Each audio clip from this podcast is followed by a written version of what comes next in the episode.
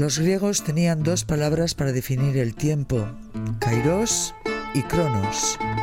Cronos representa el tiempo cronológico. Kairos, lo que viene con él. Momentos importantes, en lugar de las infinitas posibilidades. Esto es Kairos y Cronos.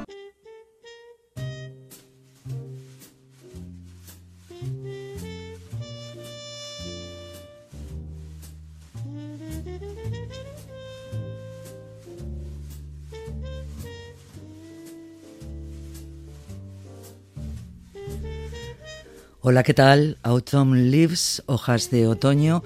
Con este estándar de jazz comenzamos, compuesta en 1945 por el músico húngaro Josep Kosma. Alguien ha dicho de ella que no es una canción, que es poesía. Una de las partituras más versionadas y grabada por muchísimos artistas. Es una de esas maravillosas e inmortales canciones que todo artista querría tener en su repertorio. Este es el inconfundible Miles Davis.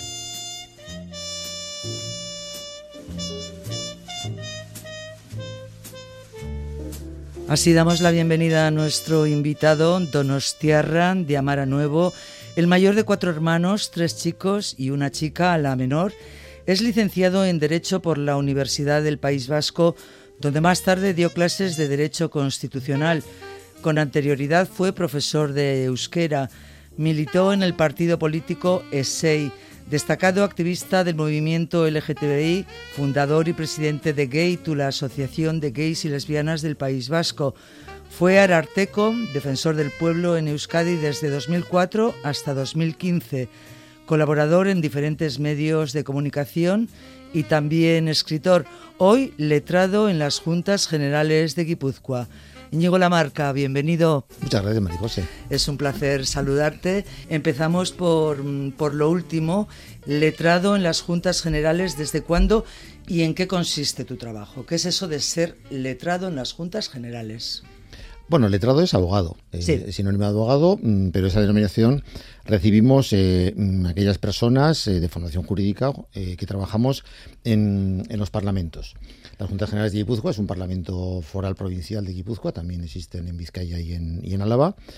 Eh, yo em, estuve trabajando, como bien has dicho, como profesor de Derecho Constitucional y hice oposiciones para este puesto que me, me, atraía, me ilusionaba y bueno, saqué la oposición, saqué la plaza en 1994 y desde entonces eh, estoy como letrado.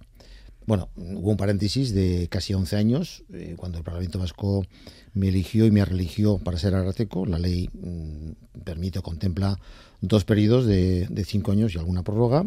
Y cuando acabé mi trabajo volví, porque la ley lo permitía, eh, a mi puesto de trabajo como letrado de Juntas Generales. ¿En qué consiste el trabajo de letrado en cualquier parlamento y también en las Juntas Generales?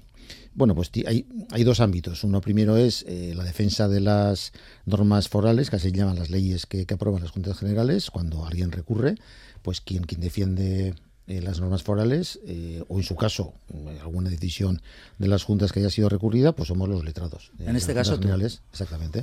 bueno, somos somos otros letrados, ¿eh? Y alguno de los dos, pues pues defendemos ante los tribunales la legalidad de las de las normas forales si son recurridas. Ese es un ámbito. otro ámbito es dar asesoramiento jurídico a, a, los órganos de la, de la, institución, a la presidencia, a la mesa, los grupos junteros, los junteros, porque eh, las personas que ocupan la labor de, o sea, decir, eh, las que ocupan los puestos de, junteros, que así se llaman, junteros o junteras, eh, quienes componen, quienes son miembros de las juntas generales, no tienen por qué saber de leyes, ni tan siquiera tienen por qué saber cuáles son las normas de funcionamiento de las juntas generales, y por tanto los letrados lo que hacemos es darles asesoramiento cuando quieren presentar una iniciativa dentro de las juntas generales o no conocen al detalle las normas de funcionamiento que están recogidas en una norma que se llama reglamento por tanto, dar, como digo, asesoramiento jurídico. Y, añadiría pues un tercer cometido y es velar por la legalidad de, las contrataciones, de, eh, también de la, incorporación de personal nuevo a las juntas generales. Eso es un poco más interno, ¿no? Hablando de juntas generales, estamos hablando de política, evidentemente, también. ¿Te gusta la política? Me lo acabas de contar, además. La política me gusta, me gusta mucho. Eh, mm, yo eh, mm, nací en el 59 y por tanto, claro, viví los últimos años del franquismo siendo adolescente. Eh, por, eh, por, mi familia y, también pues porque bueno mm, pues me hizo adulto adulto al menos maduré a una edad yo creo que más temprana que de lo que era habitual pues me empecé a interesar por, por lo que ocurría alrededor eh, por la represión franquista. Yo les a mis padres a mis abuelos se preocupaban escuchaban alguna radio que luego supe que era a escondidas pues iba a la cama y a veces me, sin que ellos lo supieran pues salía de la cama y me acercaba pues, a la sala donde estaban escuchando eh, Radio París eh, o Radio Pireneica o la BBC y por tanto ya con 13 años eh, más o menos pues adquirí conciencia política.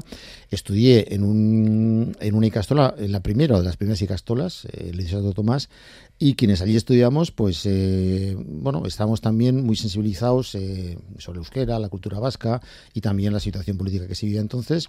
Y todo eso me llevó pues a, interesarme por la política a una edad muy temprana. Y luego pues milité, como había dicho, la única militancia política que he tenido en, en el que era un partido pequeñito, eh, pero bueno, donde se debatía muchísimo, se pensaba, se reflexionaba mucho.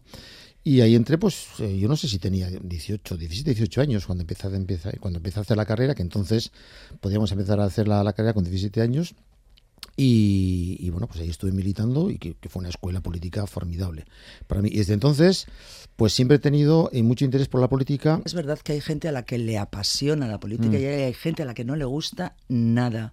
Bueno, a ver, yo defiendo eh, un concepto amplio de política. Política viene de polis y los griegos llamaban política todo aquello que concernía a la polis, es decir, a toda la comunidad. Lo, que se llama política en sentido estricto lo hacen los partidos políticos, que son absolutamente necesarios, y hay un abanico muy amplio. Afortunadamente vivimos una democracia, y, bueno, a quien no le gustase ningún partido, pues puede crear también uno propio, ¿no? Quiere decir que hay un abanico muy amplio donde elegir. Eh, pero además de eso, las ONGs hacen política. Prefiero que a ti te gusta seguramente discutir de política. Te puedes poner ahí y, hablar tranquilamente de política. Y hay gente a la que no le gusta, es verdad, que mm. dice, bueno, pues me puede interesar, me puede interesar, pero es algo que lo veo un poco más desde, desde lejos.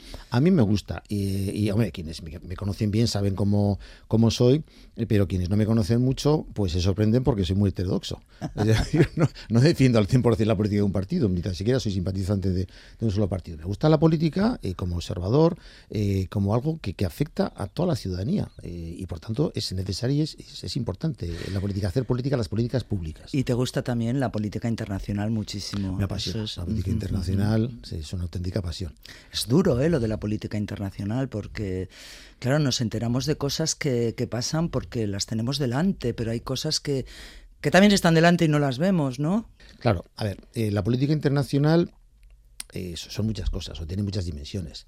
De entrada, estamos en lo que antes se decía primer mundo. Ya es una palabra, eh, siempre ha sido una expresión fea y ahora ya pues, pues no, no, tiene sentido hablar de primero, segundo o tercer mundo porque las cosas han cambiado muchísimo en las últimas décadas.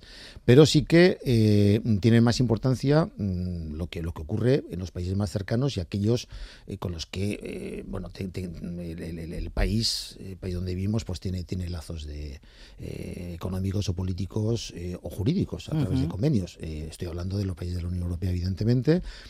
Eh, pero también de los países de, de lo que se llama Occidente en un sentido amplio, ¿no? Eh, lo que pasa en Estados Unidos, pues más o menos enteramos, vamos, quiere decir que es que las primarias son noticia en, los vídeos de aquí, cuando es una cosa que afecta exclusivamente a la política norteamericana. Pero sin embargo sale poquísimo, pues todo aquello que ocurre eh, en diferentes, eh, diferentes niveles, en países africanos o en países asiáticos. Nos quedan muy lejos, pero sin embargo son tan humanos como nosotros y por tanto deberían. Diríamos es el tercer mundo. Claro, ahora se le llama el sur global. El, sur global, global. Sí, sí, sí, que es un concepto que, que, bueno, que geográficamente coge a todos los países eh, africanos, eh, América Latina y eh, a buena parte de, de Asia también. Hablábamos de política, pues eh, relacionándolo con ese trabajo en las juntas generales. Tu primer trabajo fue profesor de, euskera, creo, ¿no? Sí, exactamente. ¿Cómo fue? En, AEK, yo no sé si eran los comienzos de AEK, si ya vosotros como profesores teníais ya una metodología, cómo, cómo dar las clases, o, o, era un poco, bueno, pues esas ganas de, de alfabetizar o de dar a conocer la lengua a gente que no la conocía y cada uno la daba como podía. ¿Cómo, cómo viviste ese trabajo? Bueno, el, primer trabajo como profesor de euskera eh, fue con, con, 15 años. ¡Qué jovencito! sí, porque ya he dicho que estoy en el liceo. Entonces, eh, mm, bueno, el, liceo en aquel entonces tuvimos una enseñanza bilingüe. O sea, no podía ser solamente en euskera. ¿Por qué? Primero, porque eh, el Liceo Santo Tomás fue reconocido como centro que podía emitir títulos eh, en cuarto de bachiller. O sea, esa época en la que las icastolas, no voy a decir que eran ilegales, pero mm, por supuesto, alegales sí. No, no, no, no, eran academias. Academias. Claro, eran academias privadas. Entonces, estábamos matriculados eh, en, en, un instituto, en un centro público, como alumnos de matrícula libre. Ah. Entonces, el, liceo era como, mm, como una academia, impartía eh, enseñanza, y pero luego teníamos que eh, esto examinarnos en concreto en el Instituto de Peña Florida. Claro, claro, como funciona una academia. O sea, tú estudias aquí, pero luego te tienes que, examinar en un sitio donde te pueden dar un título, ¿no? donde te pueden ratificar esas notas. O sea, oficialmente éramos alumnos y alumnas del Instituto de Peña Florida. Y ahí nos pero no teníamos que ir a clase. Las clases las hacíamos pues, en, el liceo. Entonces la enseñanza tenía que ser forzosamente bilingüe. No solamente por esa razón, sino porque tampoco había profesores, todos los profesores estaban cualificados para impartir la enseñanza en euskera y no había manuales, cero manuales. Claro. ¿eh? Pero, eh, bueno, pues eh, yo, pues, pues porque mi familia vasco parlante y además muy vascófila, pues tenía una conciencia muy, muy, no sé, muy viva a favor de, del euskera. Empecé a leer pues, libros en euskera y también en castellano, pero bueno, tenía una formación en euskera, pues bueno, que estaba, que estaba bien. Así que con 15 años... Y entonces, claro, hubo en concreto una, una pareja una pareja joven eh, que, bueno, fue, acudió al liceo que querían eh, recibir clases particulares. Entonces, bueno, pues un profesor me dijo, oye, ¿te animarías? Y yo que he sido siempre muy lanzo, digo, ah, pues porque, pues sí. Iba a, su casa, que, era en la estación de Milivia, y, y, esas fueron mis primeras clases de euskera. Luego empecé efectivamente en AECA. AECA hizo una labor formidable, no solamente pues porque consiguió organizar clases de euskera en diferentes centros, sino porque dio muchísima importancia desde el principio a, la pedagogía y a crear manuales eh, que pudieran los profesores y profesoras eh, servir para, para impartir unificar la manera de, dar las clases, ¿no? Sí, sí, sí. Entonces estuve dando clases en, en esto, en, en AECA. Eh, mm, durante dentro de AECA en Euskaltegui eh, Ricardo Arregui, primero en la Escuela de Amara y luego en Euskaltegui de Ricardo Arregui. Y después soy de los que hice la mil, que tuve que hacer la mil y no por gusto. ¿Dónde te tocó? Pues me tocó en, en, Leganés. Bueno. En el regimiento de, Infantería Motorizable, Saboya número 6. Y no quiero hablar de la mili. No, no, no, no, no vamos a hablar de la mili, no, no para nada, para nada. Y cuando eh, hice la mili, después de acabar la carrera, cuando volví, eh, pues estuve, mira, e-, era, era, era, una época en la cual eh, podíamos elegir dónde trabajar. Suena un poco extraño. Es casi casi insultante para los jóvenes de hoy en día, ¿no? pero, pero yo em, eh, o sea, veía que tenía posibilidades, bueno, posibilidades, a ver, trabajándomelo, ¿no? Evidentemente, pues de votar, mm, em, que es una, unas opciones que, que barajé, para trabajar como secretario en los ayuntamientos, o, el gobierno vasco o la universidad. Yo opté por la, por la universidad. Pero, y entonces empecé a hacer la tesina y tal y cual, eh, pero no tenía un sueldo. Entonces estuve dando clases de euskera eh, también en el, en el, seminario, en la escuela de magisterio del seminario, en un intensivo de durante, durante tres meses. Y luego ya salí una plaza en la, en la universidad, en Derecho Constitucional, que es la asignatura que a mí más, más me atraía. Y, bueno, hice la solicitud, hubo un concurso y me eligieron a mí y así, así empecé. Eh, ¿En Donosti hiciste la carrera? Bueno, yo empecé a hacer la carrera en, en, en Bilbao, en la Universidad de Deusto. ¿Por qué? Porque la economía siempre, o sea, tenía muy claro que quería hacer derecho y además me interesaba la, economía. Y entonces la Universidad de Deusto ofrecía lo que llamaba especialidad jurídico-económica, que era eh, la carrera de derecho en su integridad y dos asignaturas de economía cada año. Y entonces me fui a la Universidad de Deusto. Lo que ocurre es que, que mis padres pues eh, eran una, de clase media baja y además en aquel entonces pasando pues dificultades y, entonces les dije, mira, mm, yo quiero hacer esta carrera, pero no os voy a pedir ni una sola peseta. Estamos hablando de pesetas en aquel entonces. Sí, sí, por supuesto. y entonces de empecé... Pelas, de pelas. De pelas, exactamente. Eh, empecé en 1976, con 17 años, porque entonces se podía. Y daba también allí, claro, se me ha olvidado, clases de euskera eh, en, el Instituto de Idiomas de la Universidad de Deusto, con el padre Garte. Y entonces ahí me sacaba un dinero, eh, tenía también una beca en la Universidad de Deusto, y allí estuve dos años, porque, claro, el esfuerzo era muy grande, porque es que no hacía otra cosa que, bueno, clases, eh, euskera y luego la, la, militancia política. Claro. Y bueno, y, también estuve, empecé a trabajar en, en Euskal Cultura Minteguía, o sea, eran demasiadas cosas. Y, dije, Buf, yo no puedo con todo. Entonces, como no me interesaba, como, no me convencía mucho las, asignaturas de economía, pues en tercero eh, me vine a Donosti, a la Facultad de Derecho, y ahí acabé la carrera. ¿Y cómo fue, mm, cómo fue ese momento universitario? Ahí, ahí la política evidentemente era bullía, ¿no? Sí, bullía, María José. Uf. En el 76 y 77, eh, claro, había muerto Franco. Eh, Franco murió haciendo Yoko. Eh, me acuerdo que teníamos al día siguiente un examen de matemáticas y, nada, se suspendió pues porque, porque murió el dictador. Y, ya en COU, mm, eh, bueno, pues había, había mucho en el Instituto Peña Florida, había muchísimo movimiento político, muchas asambleas, eh, se organizaban muchas manifestaciones, en una de ellas me detuvieron, me llevaron a, comisaría. Y luego en la Universidad de Deusto, eh, bueno, pues allí mm, había asambleas para para la creación de, de eh, eh, que fue pues un, movimiento movimiento político resultante de la fusión de EAS y de HAS, un partido socialista bertzale que había en el, sur de Euskal Herria y otro que había en, el norte. Pero a su vez eh, surgió también ella, Euskal Herria Utzaraco Alderdía, que era pues digamos el, el, brazo político de los, de los polimilis. Pero tenía muchísima presencia los troscos, eh, que tenían una plataforma que se llama El Tomate Rojo y ponían panfletos, los, chinos. los jesuitas, los chinos, en Meca efectivamente.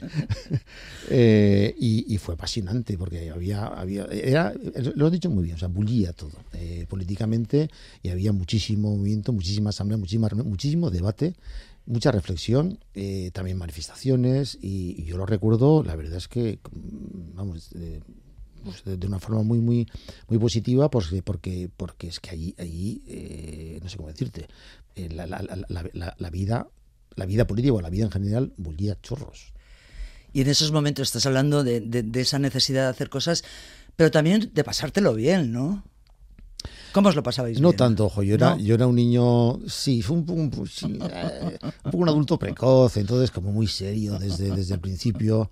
No, yo tenía poca diversión en mi adolescencia, te digo de verdad.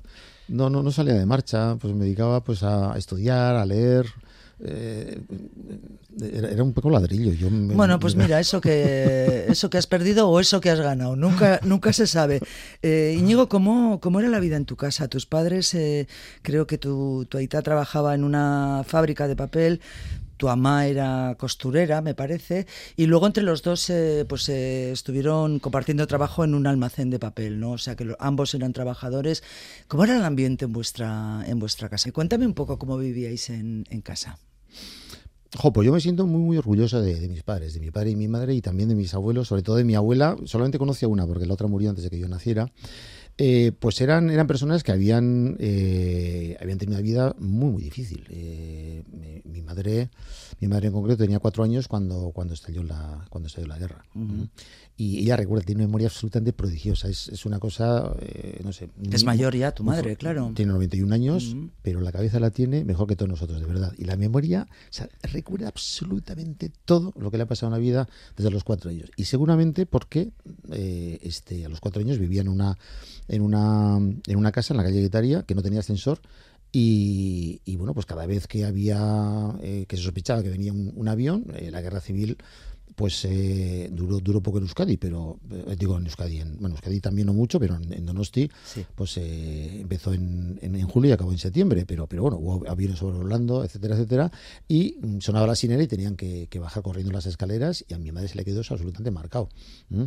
Bueno, y ¿Cuál fue el ambiente que yo conocí? Bueno, pues primero, pues que eran, eran eh, están muy concienciados en contra del franquismo y, eran muy eh, militantes o, está muy a favor del euskera. Mi padre, los dos, eh, pues crecieron en, en ambiente euskaldun, pero claro, el euskera fue, estuvo reprimido durante el periodo del franquismo, sí, pero eh, mis, mis abuelos paternos, sobre todo mi, mi amona, pues hizo un esfuerzo muy grande porque sus hijos, mi madre y mi tío Juan Mari, estudiaron euskera, entonces pues iban eh, en verano eh, a, a, Lesaca, pues a, bueno, pues, y a Goizueta, pues a que pudieran... A, no perder, a no, perder, el idioma. Y mi padre, en cambio, siendo sus, sus, padres, o sea, mis, mis, abuelos paternos de caserío los dos, pues en casa les hablaban poco euskera y fueron perdiendo. Pero mi padre, pues se propuso estudiar euskera y lo hizo con el Vira Cipitria. Ah, bueno, aprender no, o sea, perfeccionar o mejorar el euskera.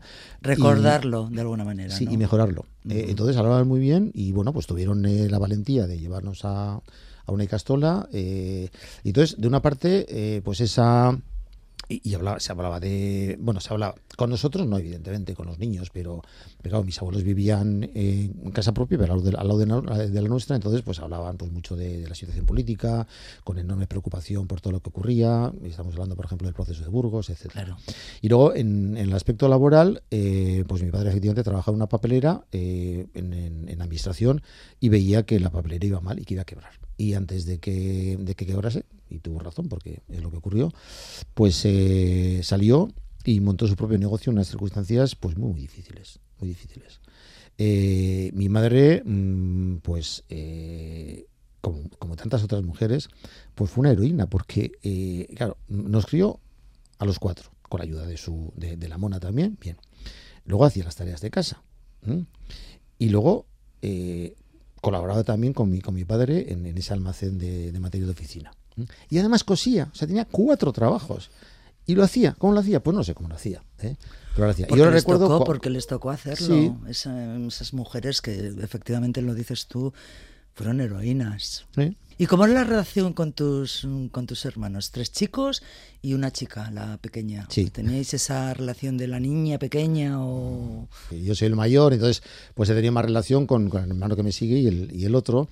Eh, ya Eli surgió tres años más tarde que el hermano pequeño, entonces entre los tres pues jugábamos con cochecitos, hacíamos eh, dibujos con cómics de, superhéroes, nos gustaba muchísimo y nos los tres chicos en una habitación y claro, eh, mira, luego fue un soso, pero, de niño pues era bastante gamberro. Entonces cuando íbamos a cuando íbamos a, esto a la cama, pues, pues teníamos mucha energía. Entonces armábamos unos alborotos los tres, los tres chicos en la habitación hasta que venía mi padre y, los tres hermanos adorábamos a nuestra hermana. Sí, sí. No, siempre hemos tenido una relación muy bonita entre, entre todos los hermanos y la mantenemos.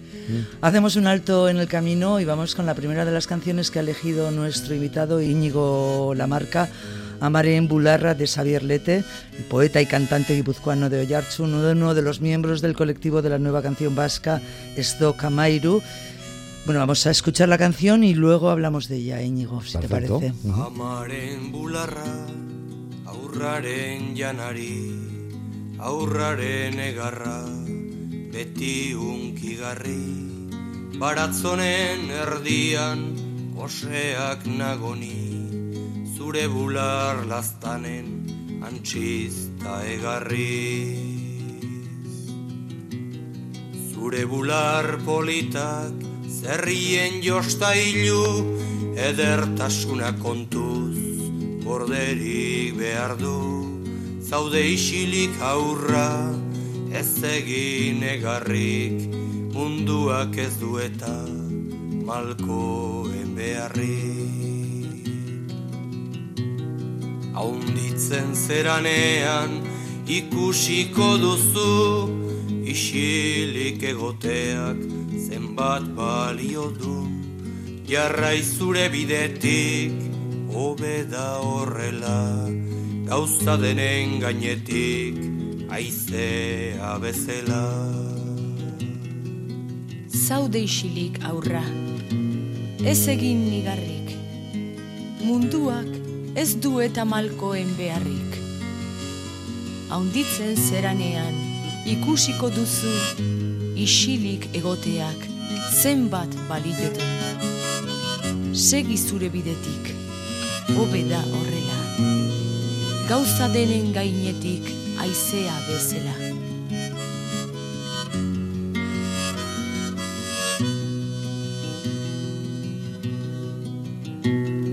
Amaren bularra, aurraren janari, aurraren egarra, beti unki garri, baratzonen erdian, koseak nagoni, zure bular lastanen, antxista egarriz, zure bular politak, zerrien jostailu, edertasuna kontuz, gorderik behar du, zaude isilik aurra, ez egin egarrik, munduak ez du eta alkoen beharrik, haunditzen zeranean, ikusiko dezu, isilik egoteak, zenbat balio dun, jarrai zure bidetik, hobeda horrela, gauzateren gainetik, aizea bezela, amaren bularra, aurraren janari,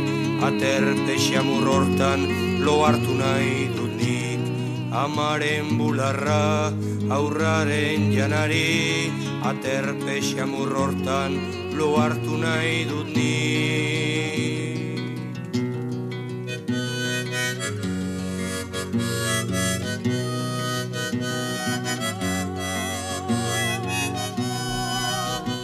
Amare en Bularra, Xavier Letes, la primera de las canciones que ha elegido Íñigo Lamarca. ¿Dónde te lleva esta canción? Uy, me llevó a, me llevó a muchos sitios. Primero, mmm, pues a, lo, a, uno de los primeros discos que yo, que yo escuché en casa. Como he dicho, pues eran, eh, eran muy euskaldunes eh, mis, eh, mis padres. Y los primeros discos que, que tuvimos fueron en euskera, de los eh, de muchos cantautores desde Tocan Meiru, entre ellos Xavier Lete, discos de vinilo, pequeñitos. Y es lo primero que, que, escuché y a mí esta canción me enamoró. Ajá. Me enamoró eh, porque es una canción preciosa, una canción de cuna eh, que me parece, me parece eh, fabulosa. luego escuché más cosas y leí cosas de Xavier Lete. y a mí me parece que es un gigante de, de la literatura y la canción en las letras, pero es que es un poeta, es uh -huh. poeta y, y, y, en la canción al final se oye, o sea, le acompaña a Lourdes Iriondo, que era que forma parte también Su de pareja. Que, uh -huh. sí, exactamente. Uh -huh.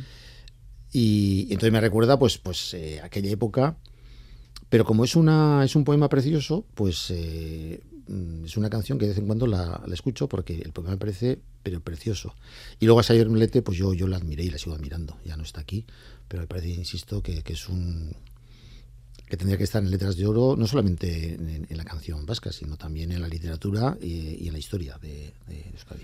Universidad, trabajo, ese primer trabajo enseñando euskera, después ya en la universidad, que luego lo retomaremos, y la militancia política en ese partido ESEI, un partido de orientación eh, nacionalista de izquierdas, formado en el, en el año 76, muy vinculado al, al mundo universitario, ¿no? Sí, efectivamente. Yo cuando estuve, cuando empecé a estudiar en la Universidad de Deusto, conocí a través de, del EKM, EKM era, era una, eh, digamos, una agrupación que trabajaba a favor de la cultura vasca, eh, formado por estudiantes de, diferentes facultades. Y ahí conocí a un, a un chico que ya militaba en, ese. Y, y, bueno, pues lo que, lo que me dijo me convenció, me convenció, me convenció mucho. Y, bueno, al poco de que surgiera ese, pues, pues me, me, incorporé al partido. Estamos hablando del año 70 y... No sé si fue en el curso... Sí, yo creo que fue a finales del curso 76, Duró muy 77. poquito. La verdad es que es un partido que duró muy, muy poquito. Creo que en el 81 ya se, se disolvió. Había un dibujante, Juan Carlos Seguillor, de Nostierra, pero, pero que... Bilbaíno de adopción. Exactamente. sí. Eso sí, es. Sí, y sí. hacía unas viñetas fabulosas. Entonces hay una, una viñeta que a mí me encantó sobre ese, que decía que cabíamos todos en un 600. y yo que me metí hasta las cachas eh, en el SEI, pues puedo decir que, que, éramos menos de 300 militantes, de verdad, que era poquito, poquito, poquito, pero, pero un nivel, o sea, hablaba de, de política eh, nacional, internacional, de economía, de sociedad, sacábamos una, un, un boletín, además eh, fotocopiado porque, porque teníamos pocos recursos, y aquello fue para mí una, un, una escuela de aprendizaje impresionante de otros niveles. Y había muchos, muchos profesores de universidad y también de, de, de escuela, de, y maestros, eh, o sea, mucha gente de la enseñanza, uh -huh. no universitaria y, y, universitaria, pero también había sindicalistas de diferentes ámbitos eh, laborales, eh, de Joven, jóvenes estudiantes éramos muy pocos, creamos un pequeño grupo y fuimos una vez de camping y éramos cinco. en un 600. y sí, duró poco, porque mmm, pedíamos el voto normalmente para Euskadi Esquerra. Sí. Y en un momento determinado, pues, pues yo creo que, bueno, nos vinimos arriba y dijimos, vamos a presentarnos solos. Y en unas elecciones autonómicas, las del 82 o 83. Y el lema, el lema, el lema se la estrella porque era, muchas veces nos has dado la razón, ahora votanos. Porque todo el mundo decía, joder, qué majo soy, qué tal. siempre además, eh, eh la, propia sigla decía sumar, ¿no? Siempre eh, procuramos eh, lanzar un mensaje positivo, ¿no? Y, no estamos enemistados con, con, nadie, no sé. Y era un partido, rechazaba, eso sí, tajantemente la violencia, o sea, decía, no, o sea, con la violencia en ningún sitio, ni heredar. Y, pero teníamos buena relación. Esa era la, segunda opción de gente que, que, votaba o decía votar al PNV, al Partido Lista y a Euskadi Esquerra. Y entonces, como te digo, en estas elecciones, digo, ah, pues nos presentamos solos. Y el resultado fue, fue malísimo.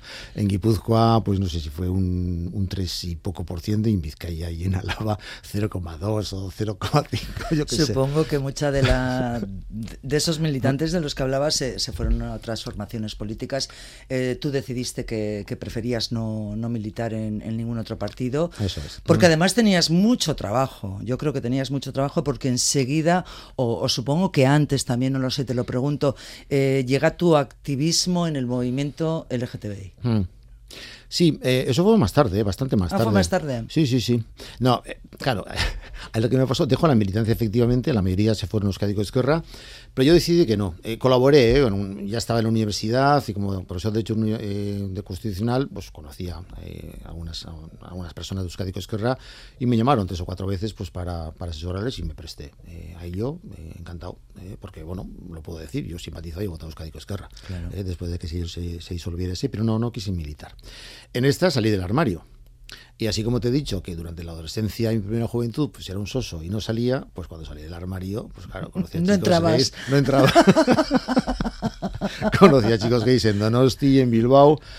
Y, entonces pues salía de marcha todos los fines de semana. Eh, me, decir, tuve recursos suficientes porque ya, ya, estaba ganando un sueldo y, recursos suficientes para tener una casa. Entonces yo organizaba cenas con amigos. Estabas ya trabajando en la, en la universidad. Sí, sí, sí, sí. Y, bueno, fue un periodo pues, pues muy intenso. Pues, el día tiene 24 horas. Entonces, claro, para mí entonces la, la, prioridad era, o sea, tenía que trabajar evidentemente y además, eh, bueno, procuraba mm, preparar bien las clases y bueno, a jugar por los comentarios de, de los estudiantes, pues, pues, pues bueno, lo hacía. Lo Eres buen profesor. Pero a base de meter horas. Las cosas, las cosas para que salgan bien. Pues de trabajarlas, hay que trabajarlas. Exactamente. Y entonces el día tiene 24 horas y bueno, pues pues daba, daba de sí lo que daba de sí. Y el caso es que, mm, bueno, pues eh, hice muchos amigos y amigas, pero sobre todo amigos gays. Eh, y bueno, en un momento determinado, pues eh, nos propusimos crear una, una plataforma, una asociación, algo, pues eh, digamos que, que diera un salto cualitativo, eh, inicialmente con dos objetivos. Primero, mm, ayudar eh, a las personas gays y, lesbianas y transexuales, porque muchos de nosotros, yo mismo, pues había pasado pues años muy duros. y por tanto queríamos, una vez que mm, habíamos, nos habíamos empoderado, una vez que nos habíamos reconciliado con nosotros mismos, suena un poco viejuna igual esta expresión, pero es una expresión que decir que yo me reconozco en ella, porque, es lo que me pasó a mí. Eh, yo, estuve, yo estuve enfadado y peleo conmigo mismo en lo que a la orientación sexual se refería. Entonces, pues dijimos, vamos a ayudar a otra gente, ese fue uno de los objetivos. En segundo lugar, vamos a crear, justamente para ayudar, ayudar no solamente a base de, conversar y tal y cual, sino vamos a crear espacios donde la gente se pueda sentir seguro y a gusto. Estamos hablando eh, en un momento en que la sociedad mm, era muy homófoba. Sí, eh, bueno, hubo progresos muy rápidos, pero eh, Gay2 lo formamos en 1997. Yo tenía 38 años, ya tenía un, cierto recorrido. Eh, pero Marijo, yo recuerdo siendo adolescente, eh, es que eso se me quedó grabado y lo he dicho muchas veces, había un periódico que se llamaba El Caso, muy sensacionalista, eh, pero yo vi en, portada, una vez en la calle es una librería que había, que había Xiomara, en portada, El Caso que daba cuenta de, de, una, de una encuesta que se había hecho eh, a, la gente preguntándoles a quién no desearían tener como vecino. Entonces daban pues eh, seis o siete opciones. Ya. ¿no? Inmigrantes, asesinos. Ya me, estoy imaginando. Los últimos eran los homosexuales. Digo yo, pero, eh, pero, o sea, primero, esta estigmatización, qué terrible. Y segundo, éramos los últimos. la gente prefería tener a violadores o a exvioladores, asesinos, a... Dios mío, esto, esto, esto era en el año 76-77, Marijo. Ahí está. Entonces, las cosas fueron evolucionando y en el 97, en el octubre del 97, cuando decidimos eh, crear eh, Gitu, eh, el ambiente pues todavía era, era homófobo. Al menos ese testimonio teníamos, esa vivencia teníamos, pues la mayoría de la gente que, que, decidimos formar, formar Gitu. Y luego yo me acuerdo, claro, inicialmente cuando creamos Gaitu lo, lo, hicimos con esos propósitos y no teníamos claro eh, pues si íbamos a tener presencia o no en, el espacio público. Y en estas eh, me acuerdo perfectamente porque eso me quedó bastante, bastante claro porque yo no había hablado hasta el momento con mis padres, no te lo pierdas. Y ya tenía 38 años.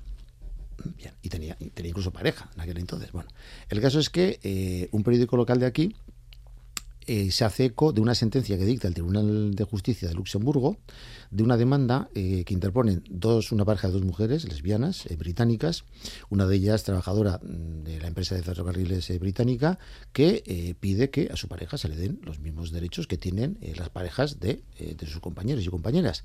Y acude al Tribunal de Justicia de Luxemburgo. El Tribunal de Justicia de Luxemburgo no, no, les da la razón, no tanto porque no la tuvieran, sino porque dice que en aquel entonces era, era así, ¿eh? Eh, la legislación eh, europea, que luego fue ampliando, sobre todo en materia de derechos, no recogía ese derecho. Y por tanto, pues era un tribunal que no podía, que únicamente tenía que juzgar conforme al derecho europeo, y en aquel entonces el derecho europeo de la Unión Europea no recogía, este, este derecho. Y lo rechazó. Entonces, este periódico monta una tribuna de debate y mm, pues acuden a mí. Y te llaman a ti. Me llaman, me llaman a mí. Es decir, pues, pues saben que hay una persona que además es, es jurista, letrado de las juntas, etcétera, etcétera, y claro, me veo en la tesitura y yo, ¿qué hago? Y, bueno, pues, pues, como siempre cuando he tenido una causa clara, pues, pues me he lanzado, pues me lancé. Y dije, ¿y yo cómo escribo este artículo? Con, mi, con mis nombres y apellidos, con, con, un seudónimo, y digo, ¿qué narices? Con, mis nombres, con nombres y apellidos. Y así me lancé, y eso fue el inicio. Claro, luego los medios de comunicación, ahí va, una persona que sale con. Con aquel entonces yo vestía con, con, traje y corbata, ¿no? Porque así se vestía. Eh, letrado, abogado, que habla de derechos eh, fundamentales, que ha escrito este artículo, patán, patán. Y, y bueno, pues, pues empecé a salir en medios de comunicación, y bueno, pues eso supuso la apertura de una nueva etapa en mi vida. Y se enteraron tus padres, evidentemente. Se enteraron, se enteraron, sí. ¿Y cómo fue? Pues te contar toda la historia. Mira por Venga, cuéntame yo. Pues resulta que eh, yo tenía programado con, mi pareja de entonces, eh, que tenía una tienda de regalos, un viaje a Nueva York, la feria de regalos de Nueva York. Mm, entonces, eh, el día que íbamos a partir, o sea, yo había decidido soltar la bombita ese día y irme a Nueva York. Bueno, ya hablaremos a la vuelta. El caso es que la madrugada de ese día muere, muere mi abuela, mi a la que yo adoraba, quería una barbaridad. Y digo, no, no, estas condiciones no les puedo decir nada a mis padres. Entonces, no, no les dije, eh, se retrasó, eh, retrasamos el viaje dos días, lo hablé con Ama, y además es que claro, es que vamos por, mi pareja tiene que ir por razones de trabajo, patín patatán, bueno, entonces nos fuimos a Nueva York y yo no les dije nada y les dejé el marrón a mis hermanos. ¿Tu, padre, tu madre pensaría que tu pareja era una chica? Ah, no, no, un amigo. Ah, ibas con un amigo, no le dijiste una Oh, claro, claro, claro, claro, claro, un amigo, un amigo, amiga, o sea... Además, en euskera laguna, uh, laguna puedes incluir cualquier. es una palabra polisémica que incluye muchísimas acepciones. Bueno, eh, entonces les paso el marrón a, mis hermanos. Entonces, eh, mis hermanos, mi hermana, eh, que es la que más arrestos tiene, se lo dice a mi madre, no le dice nada, pero mi madre no le dice a mi, madre, a mi padre. Entonces, mi padre un día coge el periódico, se encuentra. bueno, y, y, a la vuelta, pues hable reaccionaron eh, mal y no les faltaba razón en el sentido de, eh, o sea, primero, ¿por qué no os has dicho antes? Pero tu padre se enteró, digo, oye, me le dije a mi madre, se ha enterado por tu culpa, haberle dicho, ¿no? Y, en segundo lugar, porque para ellos era, eh, para ellos y para tanta gente de esa generación, mira, hay una expresión de, un profesor universitario, Daniel Borrillo, mm, que decía, es que la homosexualidad ha estado más allá del límite del conocimiento. Es que no cabía en la cabeza, o sea, sabía que había, ¿no? Pero una vez hablando con mi abuela, no, yo no, se fue, bueno, se fue, yo, nunca le dije que era gay, pero yo estoy convencido tenía que lo sabía. Que lo sabía.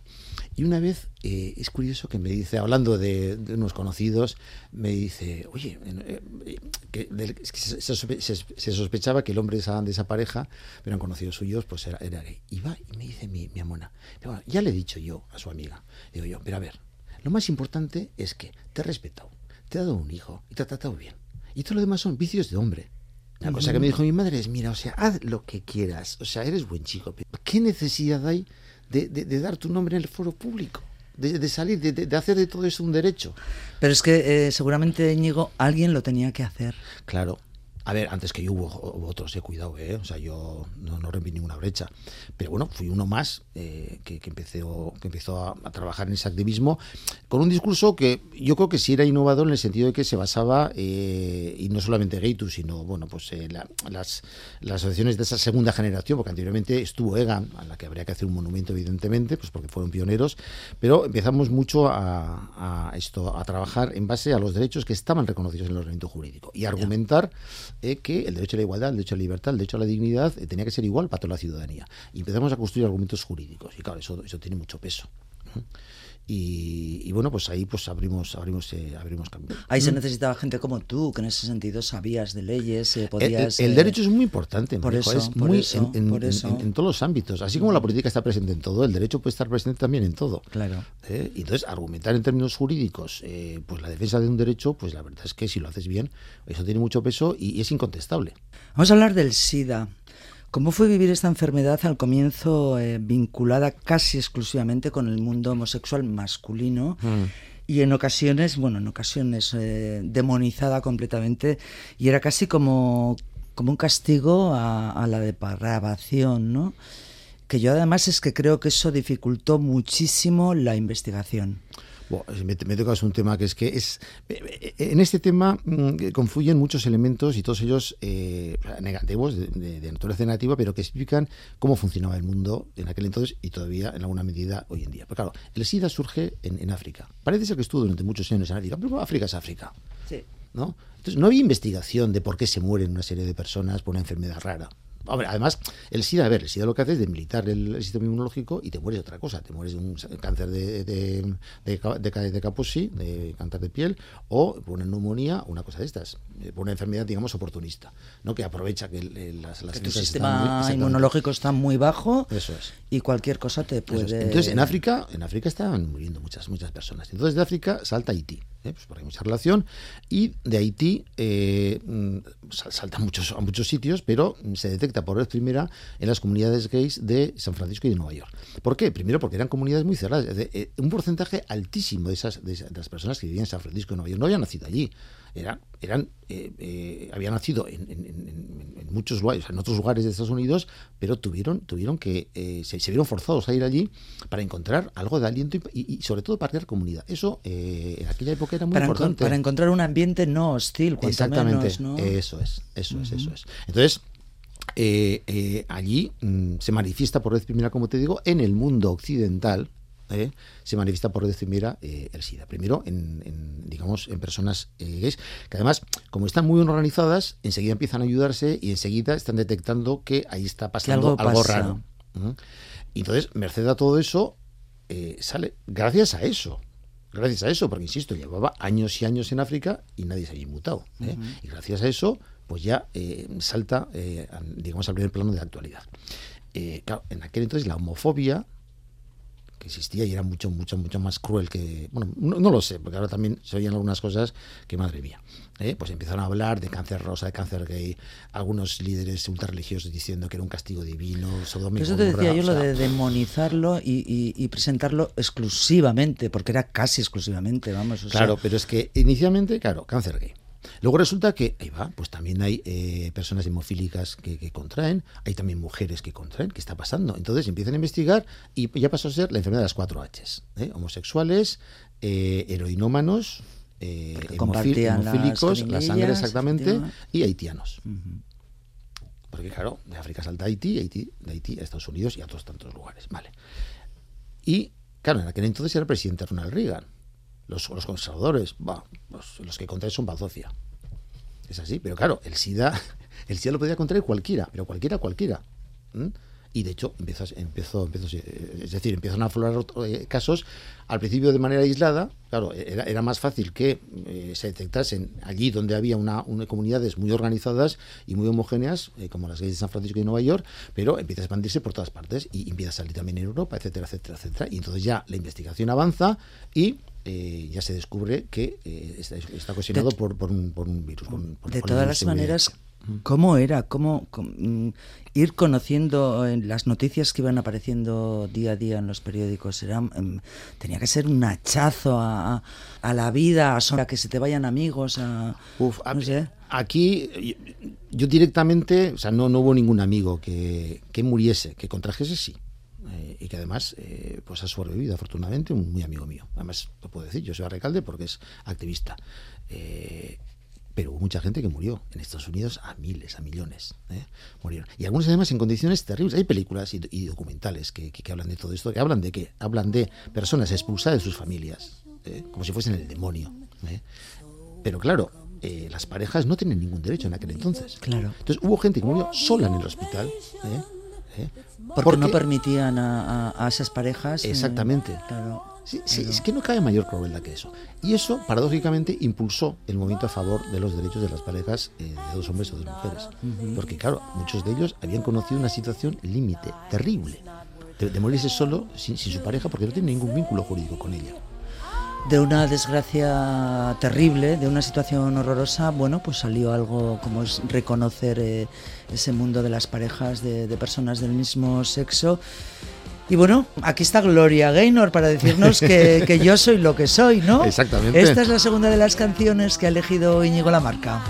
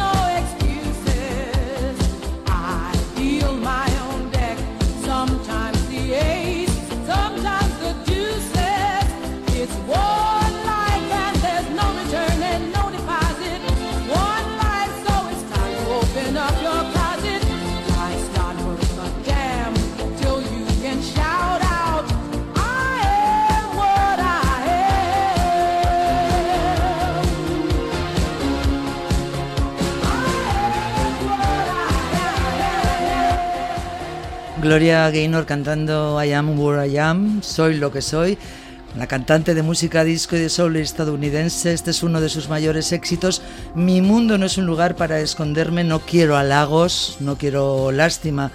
Una declaración, Íñigo, casi casi de principios de decir lo que soy. Pues yo creo que también de una manera alegre y dispuesto, y con ganas de bailar y pasarlo bien, ¿no? Uy, lo que bailo yo con esta canción. yo que era un soso, me tomaba un par de cubatas de ron y me lanzaba a la pista. Yo cuando, cuando, cuando fui a Bilbao, es que hay muchas diferencias entre, el Seneto Tierra y el bilbaíno. Y entonces allí me acogieron con mucho cariño, pero me decían, pero qué eso sois, por Dios. pero bueno, pues me, solté un poquito eh, y, como te digo, el cubatito de ron pues ayudaba. Es que la noche de Bilbao era importante, ¿eh? En aquellos... La de Donosti también. ¿eh? También, sí. en Donosti la noche gay era, era fabulosa, ¿eh? En lo, que además es que todos los nuestros lo conocían, en, la, década de los 70, ¿eh? fíjate tú, la cuesta del culo. La cuesta del culo. Yo la conocí en la, década de los 80, entonces allí había una discoteca cristal, que era, pequeñita, pero las que montábamos, y en Bilbao, eh, Distrito 9. Y allí pues se conocía mi primer novio. O sea, esta canción me, me, recuerda muchísimas cosas y lo bien que lo pasaba. Y lo pasábamos. Y lo importante que es, eh, evidentemente, decir soy lo que soy y punto. Exactamente. Cambiamos de tema, Íñigo. Ararteco. ¿Cómo llegas a ser eh, el defensor del pueblo, el Ararteco? Pues mira, por Ararteco se, se conoce a la institución, es un organismo eh, que depende del Parlamento Vasco, o sea, es creado por el Parlamento Vasco y al frente de este organismo eh, tiene que haber una persona elegida por el Parlamento Vasco por una mayoría de tres quintos, una mayoría cualificada que exige pues un acuerdo entre los partidos de gobierno y de oposición. Entonces, ¿cómo, cómo llego ahí? Pues mira, pues un día recibo un día, además que estaba en Gaitu, en una reunión, una reunión en la que estamos organizando las jornadas estatales de guis cristianos. Ahí queda eso. Y recibo una, una llamada. Eh, lo puedo decir, de yo soy Johnny Maz, que en aquel entonces era presidente del PNV, del EBB del PNV. Yo no le conocía de nada. y se identifica y me dice, eran, eran las nueve menos cuarto de la noche, es que se me quedó grabado. Y me dice, ¿puedes hablar? Y yo digo, pues estoy en una reunión, ahora no puedo hablar. Bueno, bueno, pues, pues te llamo diez minutos más tarde y tal. Y me llama y me empieza a hablar del Ártico. Yo sabía, pues porque, porque que, me, intereso por todo lo que pasa y, además yo en clase cuando era profesor de Derecho Constitucional pues hablaba del, artículo del Ombudsman y yo sabía que era, una, que era un puesto que estaba vacante, que estaba en funciones, la que fue adjunta del anterior Arteco, Mercha Gúndez, y que el Parlamento Vasco en algún momento tenía que elegir a, tenía que designar a otra persona. Exactamente. Y el caso es que eh, me empezó a hablar Arteco y yo, de verdad, créeme, eh, pues digo, pues vale, mm, tiene una persona y está haciendo una ronda entre las ONGs, en la sociedad civil, a ver qué les parece a esa persona. Y, cuando me dice, bueno, y hemos pensado que tú puedes ser una persona adecuada.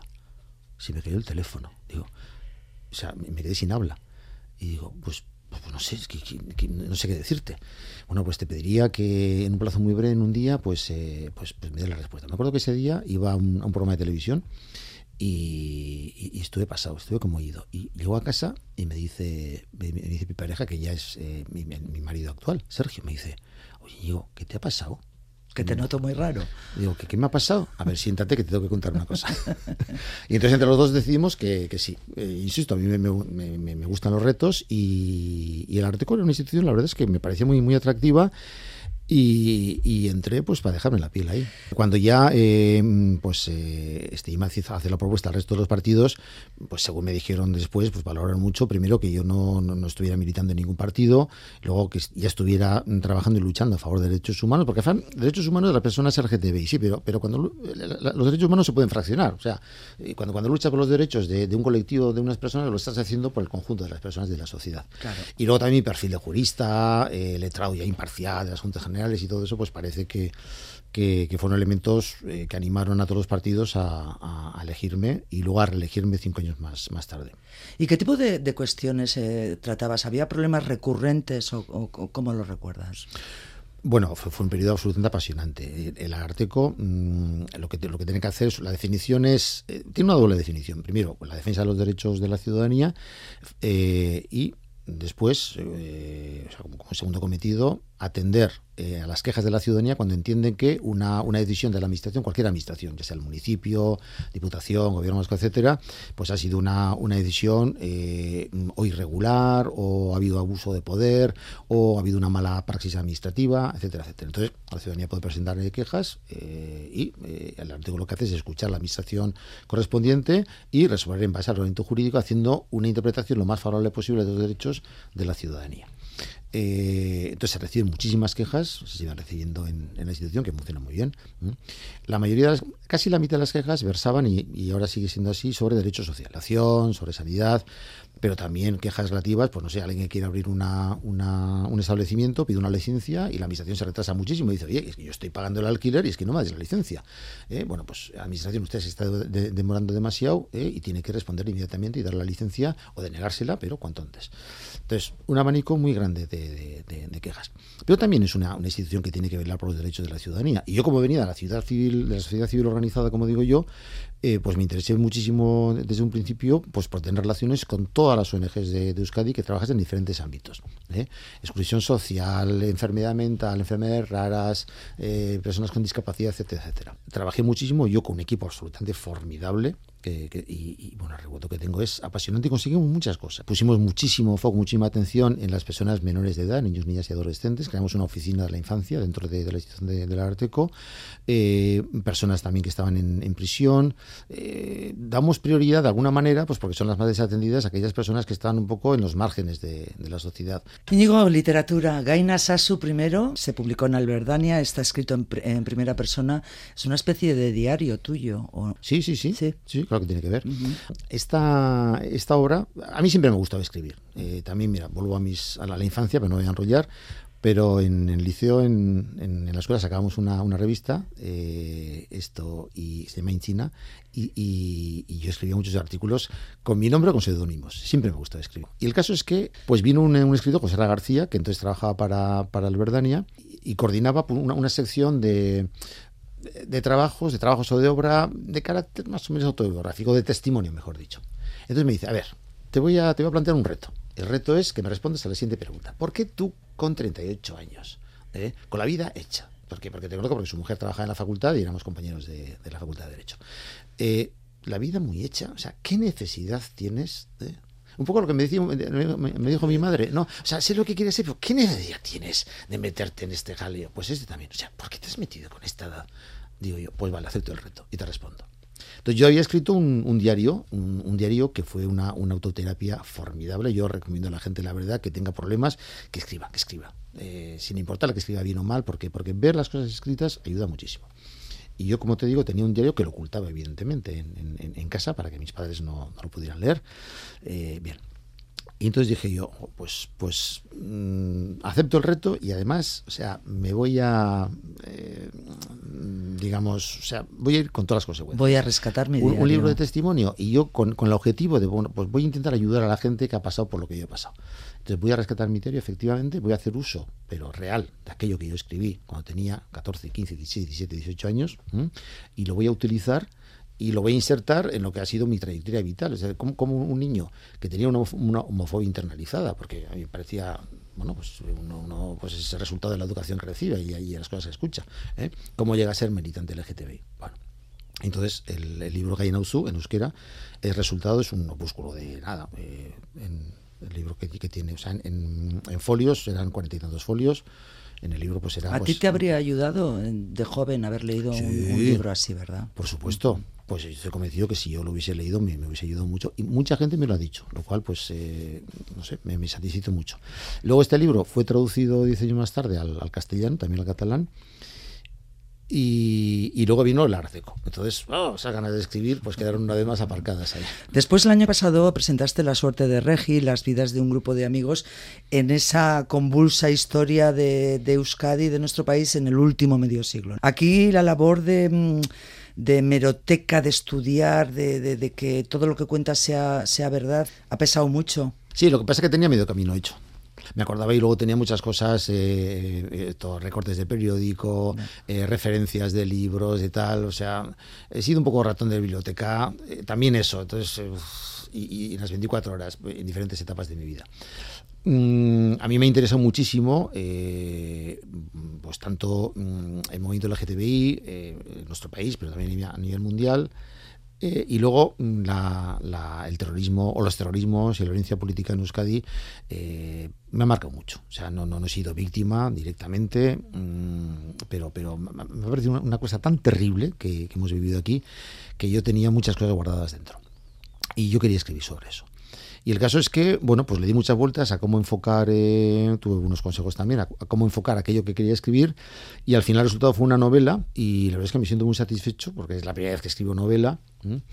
Y bueno, al decir de los escritores, pues eh, lo he hecho de una manera ágil eh, y bueno, pues con, unas tramas que, hacen que. es una novela con muchísimos, con muy, bueno, voy a decir muchísimos, mm. con muchos personajes.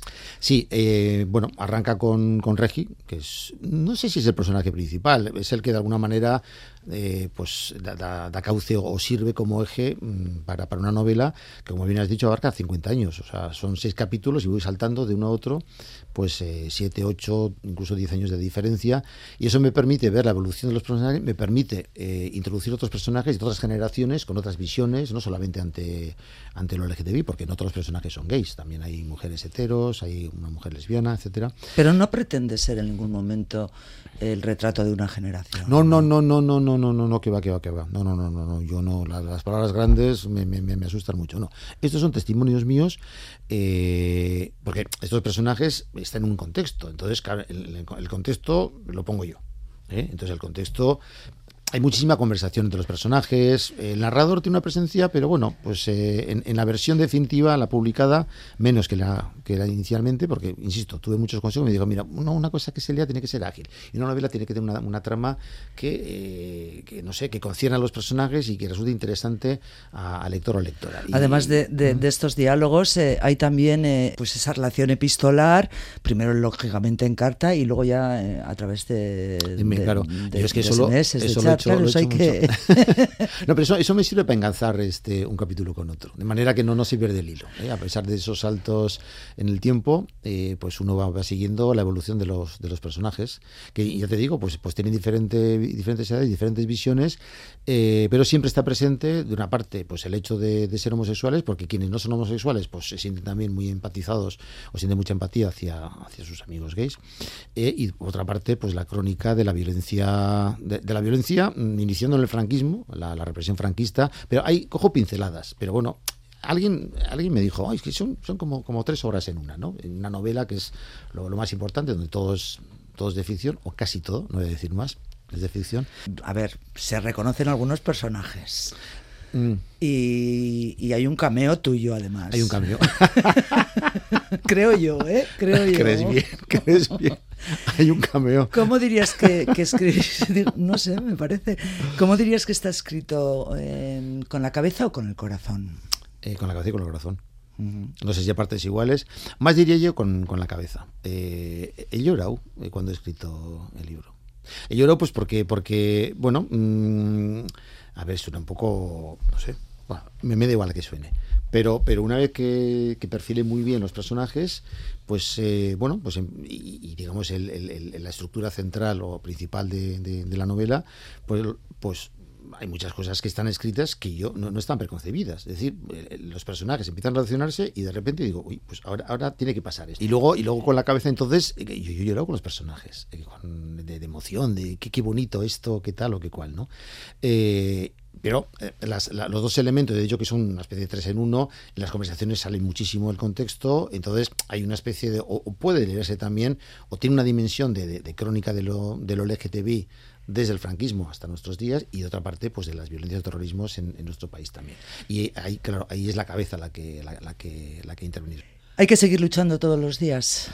Evidentemente, claro porque estamos asistiendo a, bueno, a momentos y a situaciones, me estoy refiriendo a la ley trans, a la de solo es sí, sí solo es sí, sí, o sí. Mm. Eh, el otro día leía que la conferencia episcopal, algunos obispos se encontrase, por, supuesto hablaban de la ley trans y del aborto, pero no decían ni una palabra de los abusos cometidos por, por la Iglesia, eh, las redes sociales con insultos a las feministas, a, los, mm, a las personas gays, a, trans, a las ministras. ¿Vamos hacia atrás? No, yo creo que no. Yo creo que no, pero cuidado, eh, eh, las personas reaccionarias eh, pues se están organizando mejor. Están organizando mejor porque, porque se vale, por ejemplo, de, las, de las redes sociales para, difundir mentiras, para, para difundir noticias falsas y para expandir veneno. Entonces, claro, eh, se está produciendo una, una, situación que yo creo que es muy peligrosa y es que el día pasado, mira, tuve una, una discusión en, en un grupo de, amigos eh, y estoy harto de escuchar, todos los políticos son iguales. Pues no, no, no, no, no, porque la política la hacen hombres y mujeres, que son como tú y como yo. Y hay de todo, evidentemente. Y hay personas que se dejan la piel, literalmente la piel. ¿eh? como, como servidores públicos. Y habría que hacerles un homenaje. Los hay, claro que las hay, evidentemente. En otro extremo, pues hay pues prefiero no, no, calificarlo, ¿no? Pero el, el, clima que se está creando yo creo que es eh, un clima de antipolítica y un clima de muchísima demagogia y de muchísimas mentiras.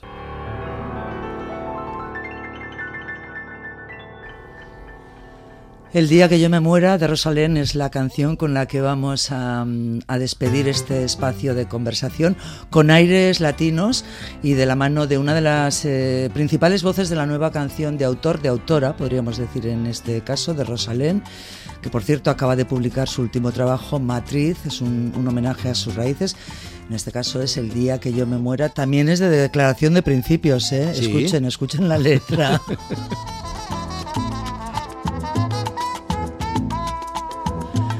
Íñigo Lamarca ha sido un auténtico gusto charlar contigo. Pues solo puedo decirte que es que ricasco. a ti, y, muy, gusto. Y hasta, hasta la próxima. Mm, además has, escogido un abanico de temas amplísimo. La vida, la mm. vida. La vida, y un pequeño apunte, 10 segundos. Con respecto a la canción, eh, es muy importante, yo creo, tener siempre presente que la muerte está ahí, acechándonos. Y la canción va un poco de eso. ¿eh? El día que me muera, no lloréis, porque, porque todos vamos a morirnos. Entonces saquemos el máximo jugo posible a la vida, no solamente en términos de disfrute, sino también en términos éticos. Compromiso se ayuda a los demás y saber morirse y saber que la, la muerte está ahí. En cualquier momento se apaga la luz.